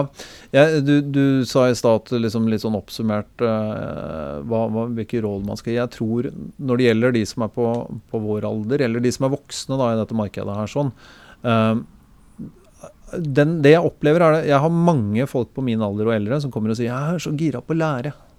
Og det er alle. Jeg møter aldri noen som ikke er gira på å lære. ikke sant? Uh, men jeg opplever veldig sjelden at noen sier at jeg har lyst til å forandre meg.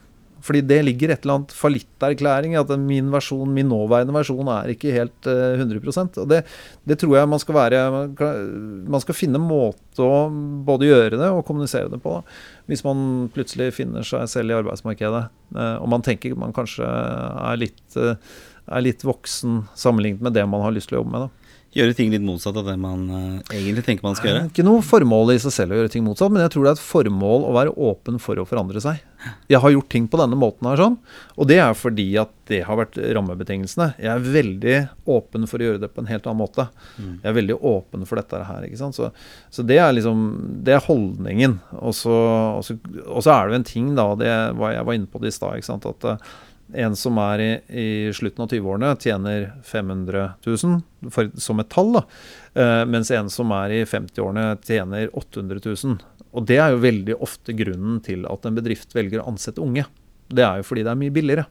Uh, og det skal man heller ikke glemme. ikke sant? At uh, Mye av grunnen til at uh, søknader fra voksne blir sortert ut, er jo fordi at lønna på stillingen tilsvarer lønna for et mye lavere lønnstrinn.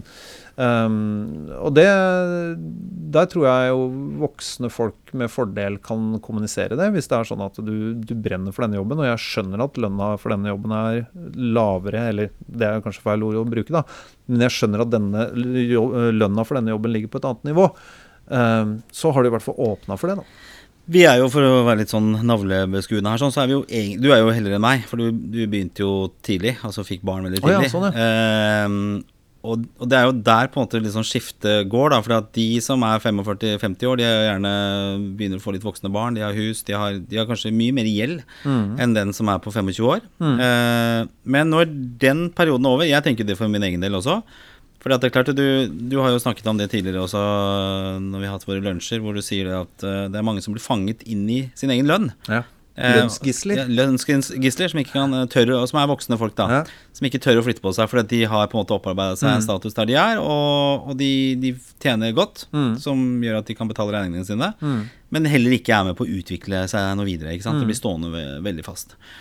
Eh, og jeg, min teori, da, det er jo det at den generasjonen som kommer ut, som er ferdig med barna sine. Mm. Det, du blir jo ikke eh, det noen gang. Du må sikkert komme med noe økonomiske tilskudd. Det er vel du Sånn finansielt noenlunde Men hvor du kan for eksempel, du bor i en enebolig rett utenfor eh, Oslo by, Ja. eh, og du har muligheten til å selge den. Mm.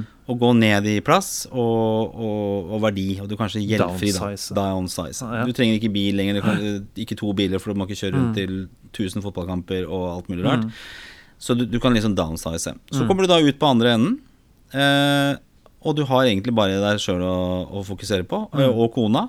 Eh, det må du jo selvfølgelig også jobbe med, for, så du ikke bare sitter og stirrer hverandre over skulderen. Ja. Men det er jo litt i forhold til arbeidslivet også. Da har du jo faktisk muligheten til å gjøre de tingene. Til å være den. Og jeg tenker fra et arbeidsgiversynspunkt, da. Det er selvfølgelig hvis du er en etablert fyr som ikke er villig til å, å forandre seg i det hele tatt, da. Hvis du har de kriteriene på plass, så vil du for det første ha en fyr, la oss si han er 50, eh, som i hvert fall ti år framover i tid kommer til å være en stabil person. Mm. Fordi han vil jo ikke være borte. Han kommer ikke til å få noen flere barn Nei. hvis han ikke går på en ny runde. Det kan jo skje også. Eh, og, og vil være mye mer dedikert i forhold til jobben sin. Mye mer tid. Slippe å få influensaen inn døra fordi man har ikke barn i barnehagen eller på skole. Du får influensere inn døra. altså. Ja. eller på influensere. Så, så jeg tenker, i min litt lille hode da, så kan jo det være en veldig stor ressurs for Mm. arbeidslivet fremover. Det er i hvert fall det jeg trøster meg med. Ja, vi, det får oss til å sove om nettene, Gunnar. Ja. Så jeg støtter opp under det. Nei, men eh, for ikke være fleipete, så, så tenker jeg det at det, det er nok en sånn Det kommer ikke til å være noen sånn bølge som kommer hvor man ser at liksom eh, arbeidstaker over 50 plutselig ble så fryktelig, fryktelig attraktive. Det er særinteresser som prøver å si, snakke om det, ikke sant. Fordi det vil jo, det vil jo være en eh, det, det vil jo være veldig rart hvis det skulle skje. Eh, men jeg tenker det at eh, det å jobbe i et selskap hvor det er plass til det, og, og være den man gjør, det gjøres plass til, da. Mm. Fordi det, det er jo ikke sånn at jeg mener at det er alturistisk av en, av en arbeidsgiver å ansette noen som er, som er i 50- eller 60-årene, for den saks skyld. Fordi der er mye smarte folk, liksom. Og som du sier, med mye stabilitet osv. Men jeg tenker det er ikke en rekrutteringsstrategi i seg selv, da. Det er akkurat sånn, det er like dumt det som bare å ansette 22-åringer. Jeg vet det Eh, er et rekrutteringsselskap i hvert fall som het noe sånt som seniorrekruttering eller Jo da, men det, deres tjeneste kan jo det være behov for i perioder. ikke sant? At man har roller hvor man ser at det er veldig fornuftig. Eh, så, så jeg tenker jo som rekrutteringsselskap så er det slett ikke noe dårlig forretningsidé. Men som en rekrutteringsstrategi for et selskap så må du nok drive med noe ganske spesielt for at det skal funke. Ja. Vi skal konkludere. Nå er vi jo litt eh, inne på si, vår dystre framtid her. Sånn. Jeg var i Stockholm før sommeren, og da hadde jeg litt tid før jeg skulle inn på neste møte. Og da gikk jeg da innom en eh, Det var rett og slett en seniorfestival, eller en eh, event, hvor de hadde stands. eh, Og jeg, jeg forvilla meg inn der. Ja. Eh, og da så jeg jo eh, Jeg ble heldigvis ikke tilbudt noe, så jeg var liksom Nei. livredd for det. At tjenere fikk sånn skrå blikk. Hva gjør den ungdommen her? er pensjonær nå. Ja. Og da, eh, da var jo hele tiden dette med at nå, din tid er nå, du har masse Mm. tid, du har um, store muligheter. Eh, ikke sant? Masse egentid. Og da Mm. tenker jeg også i forhold til sånn markedsføringsøyemed. da Dette blir jo veldig sånn smalt i forhold til vår bransje, Mm. men der ligger jo et stort potensial. Jeg vet jo en del snakker om det grå gullet, og liksom Ja, ja. det liksom finne disse nisjene, da. Fordi at jeg tror eh, Jeg vet jo at noen dataaktører da, som, som handler data som markedsførere bruker, definerer jo i større grad eh, livssituasjon kontra det med, med alder. Ja, det høres veldig Ja, smart ut. Og det tenker jeg også litt i forhold til arbeidslivet. da At, det er at, at liksom livssituasjonen kan på en måte det, det, det burde på en måte være litt viktig for en arbeidsgiver. Altså Istedenfor for å si Er du 25 år, er du nyutdannet, har du den der sånn Hva er din det er jo ikke lov, da. Nei, jeg vet det er det, det vet som det. er. Ja. Um, Men det er vel, eh, og det bør ikke du bekrefte, du kan bare nikke eller riste på hodet, men hvis du f.eks. er 25 år, kvinne, nygift, eh, er det en skepsis til å ansette Nei, vedkommende? vet du hva, Det der har forandra. Jeg har jo jobbet med dette eh, lenge. Um, og når jeg starta å jobbe med rekruttering, så var det alltid en sånn Ja, det skal jo ikke stå i stillingsannonsen, men det vi egentlig ser etter, er prikk, prikk, prikk. Ikke Ja, sant? Um, og det var Ja, dette er typisk sånn damejobb og sånn. Blei sagt, og vi snakker jo her 2010, ikke sant? så det er ikke dødslenge siden. Mens jeg opplever eh, i dag at når vi stiller det For det gjør vi, stiller det spørsmålet til oppdragsgiverne, litt sånn for å lodde dybden også. eh, er det noe som er det, Når de ser for dere denne kandidaten, er det noen hensyn vi skal ta? Um, ja, og så er det noen som da liksom sier ja, hva tenker du på? Uh, og så sier vi ja, jeg tenker liksom kjønn, alder, andre ting. Som det er greit for oss å vite om dere opplever at døra er lukka for noen. Og da er svaret i dag i stadig større grad nei. Det er jo samme for oss. Mm. Det er, her har vi en jobb som skal gjøres, en kompetanse skal fylles, og en lønn som skal betales. Et Mm. kostnadsbilde. Og Hvis de tre tingene stemmer noenlunde overens med en person som vi også syns det virker som hyggelig å jobbe sammen med, så tror jeg vi har en match. Eh, og det gjør meg glad helt innerst i sjelen at verden faktisk da har forandra seg mens jeg har sittet og sett på. Um, Og du nevnte jo det at der ligger også Norge langt framme i forhold Ja, ja. til Det- ja, det fairness gjør vi. fra arbeidsgiverne. Ja, jeg tenker jo at samfunnet er veldig godt rigga for arbeidstakere i Norge. øh, Og samfunnet er også ganske godt rigga for arbeidsgivere i Norge. Vi skal ikke glemme det. Um, Jeg er arbeidsgiver sjøl og har mye folk i jobb, for vi har en del utleide ressurser. Og jeg opplever at vi Det blir lagt en del føringer fra, fra samfunnet som gjør at det, det er veldig enkelt for oss å være fair med folk, da. Ja. Eh, Og det er veldig ok. Å, å bo i et sånt land, det, det er jeg veldig glad for. Vi trakk jo vinnerloddet den dagen vi ble Ja, ja. skifla ut av mors liv eh, når vi bor i Norge, så vi har jo alle muligheter. Eh, Vi kunne jo sittet der i timevis snakket om dette her. Sånn. Det Jeg tenkte sånn. vi kunne begynne å konkludere litt. Sånn. Får lage en ny episode. ja, vi får ta en eh, om eh, fem år, eller hva det måtte være. Eh, men for å konkludere litt, grann, vi, vi har vært litt inne på noen sånn delkonklusjoner. Altså, Mm. Vi kommer ikke til å bli um, robotifisert bort med det første, uh, mest sannsynlig. Men uh, Og dette med å være online og kriteriene for arbeidsliv og sånn. Men du nevnte jo datteren din uh, Mm. før vi gikk på her. sånn Hun er jo sykepleier, skjønte jeg? Ja. Eh, er det et hennes valg, eller har pappa vært og pusha litt? For jeg tenker at der er det jo Nei, nok jeg- jeg- arbeid framover. En eldrebølge som kommer, og Ja, ja. Det, det, er jo veldig, det, det er jo veldig rasjonelt valg. Eh, Nå har jeg for så vidt to barn som begge to tar veldig rasjonelle valg på det. sånn, og jeg tenker, eh, Hvis jeg ikke skulle gjort dette rådet personlig, så ville jeg sagt at du, liksom, du har, har systemskills og human skills på et vis. Altså Enten så skjønner du mønstre og regler og matematikk, som vi kalte det i gamle dager. Eh, I dag så kaller man det programmering. Eller så er du bra med folk. Og det, det er litt sånn du er, kan være god på begge, men du er sannsynligvis best på én av disse to. Uh, suger i begge, så sliter du naturligvis. I utgangspunktet Da må du begynne å trene for å bli bra på en av disse tingene. og Da må du velge det du har best forutsetning til å bli bra på. Men, uh, men det, det, jeg tenker at det vil være veldig viktig, fordi Um, maskinene som uh, vi snakket om nok kommer til å ta over deler av samfunnet vårt, i hvert fall tjenestene i samfunnet vårt, de styres av systemer. Systemforståelse, systemkompetanse. Eh, og tilbake til tall og matematikk. Altså det å, det å like regler, det er bra hvis du skal drive og jobbe med, med maskiner. Eh, på den andre siden så, så vil vi alltid ha behov for de som klarer å kommunisere dette på et personlig nivå også. Um, enten det er å sitte over bordet og snakke om det, eller det er å skrive en tekst som får folk til å forstå det, eller hva det skulle være. Så det er den andre siden av det. Og det vil finnes det, finnes, eh, det kommer til å finnes snekkere som hopper ut av varebilen og tar deg i hånda og forteller hvordan de skal gjøre jobben, og som du har 100% tillit til. Og så kommer det til å sitte igjen en snekker i bilen som eh, kommer til å vite akkurat hvor, eh, hvor han skal legge den for at ikke soilerøret blir- må bores gjennom kjøkkenet ditt. ikke sant? Så, så, så det, i alle fagfelt så vil du møte de samme utfordringene. Systemkompetanse og kommunikasjonskompetanse, de to som, som er viktige. Og, og jeg tror det er viktig at, eh, at lærere og voksne foreldre alle sammen leter litt etter disse egenskapene hos barna sine, og, og forsøker å, og med en ensom hånd å hjelpe dem litt på, på rett vei der. Jeg har jo en som utdanner seg til å bli ingeniør, og en som utdanner seg til å bli sykepleier. Um, Det høres jo Det er veldig kalkulerte valg. For det. Så det skal gå bra, for å si det sånn. Men, men, eh, og det, det, betyr jo, det betyr jo ikke at eh, de, jeg anser at Dennis har dårlige human skills, eller at Nora har dårlige systemskills, men jeg, jeg tenker at eh, de, det virker som de begge to driver med noe de liker veldig godt. Ja. Mm. Så, men det er to, to yrker som, som ikke vil bli eh, utdatert med det første. Altså jeg tenker Sykepleieryrket er jo midt i blinken. Det er det jeg prøver å få min datter til å tenke også. At det, det vil det, For det første er det så veldig godt arbeid. Ja. Eh, hvor du virkelig gjør en forskjell. Eh, men eh, Og som du, hvis du skal kalkulere på arbeidsledighet på et eller annet tidspunkt, så vil du neppe oppleve det. Nei.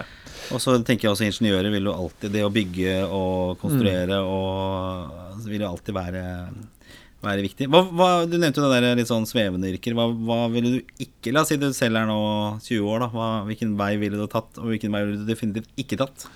Nei, altså det er jo det, Der kommer det jo subjektive svar, og jeg, jeg jobber jo med det jeg jobber med. Mm. ikke sant? Um, som er liksom en kombinasjon av IT og historiefortelling, da, hvis du skal putte det i det litt mer uh, filosofiske hjørnet. Og jeg er jo sjøl veldig glad i historie og filosofi, men jeg må jo si det at uh, jeg syns alltid det er litt morsomt når folk uh, med store ambisjoner studerer kriminologi, eller liksom uh, ting som Altså tunge akademiske fag som ikke er kompetansegivende. Da skal du pokkeren meg vite godt uh, hva du driver med, hvis du skal gå den veien. Da må du da må du virkelig ha helt uh, unike egenskaper for å få nytte av det. Uh, og så tror jeg det er uhyre interessant å studere kriminologi, f.eks., eller um, moderne amerikansk historie. Skulle gjerne gjort det sjøl. Um, men det er jo altså Som en karrierevei er det ikke, men som et, uh, som et kurs, som, en, som, en, um, som formingsfag av din egen personlighet, så kan det sikkert være lurt. Det tror jeg. Um, og, og, jeg sier på ingen måte at vi skal legge ned de akademiske fagene, for de er vi helt avhengig av. Men, men som karrierevei uh, så kan det være utfordrende. Um, men så er det mange av de som blir lærere, og da er det jo greit allikevel, egentlig, på et eller annet vis. Ja, for det vil jo også være behov for Ja, ja, ja visst. i fremtiden. Og, og det er veldig fint å få lærere som ikke på en måte har den firkanta lærerutdanningen, men som kanskje har helt andre utgangspunkter. da. Det er jo interessant å se. Jeg er jo selv barn i skoleverket, og Mm. hvor, hvor, i hvert fall hvordan jeg opplever at lærergjerningen har mm. Eh, forandra seg. da. Mm. Når jeg sitter på utviklingssamtale med min sønn, og han har da øh, laget en en, øh, ikke PowerPoint, men en mm. keynote-presentasjon Mm. Ja. av seg selv og hvordan det går på skolen. Ja. Eh, for det, det var liksom lærerens approach. På, stilig. veldig kult.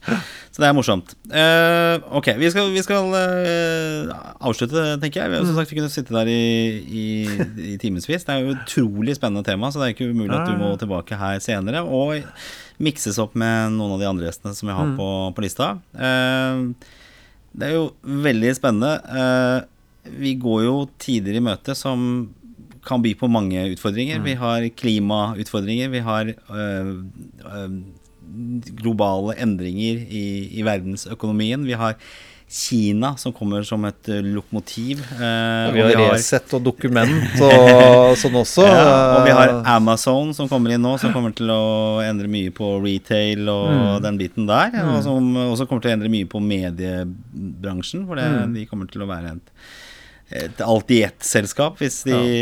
hvis man skal tro det de, de, de planlegger. Så, så mye kommer jo til å endre seg. Mm. Så dette med endringsvillighet eh, Ja. tenker jeg er en, eh, et viktig råd å ta med seg videre. Og så kan, kan kanskje ikke alle andre bli Eller alle bli influensere eller. Youtubere. Alle kan få influensa, da. Det riktig. Har du hatt, har du hatt det i vinter? Jeg hadde for første gang på mange år så hadde jeg influensa. Ja. Skikkelig man, manflu Jeg var, jeg var så pjusk, altså. Det var helt forferdelig. Bra. Det er også et tema vi kunne vært innom, dette med fravær og Tyskland. arbeidsmoral og alt dette her sånn, men jeg Ja. tror vi skal eh, stoppe der. Tusen takk, Ole Alexander Janzo i Teft. Det har vært like underholdende og spennende som jeg trodde det kom til å bli eh, før du kom. Bra. Tusen takk. Takk sjøl. Takk. Ha det.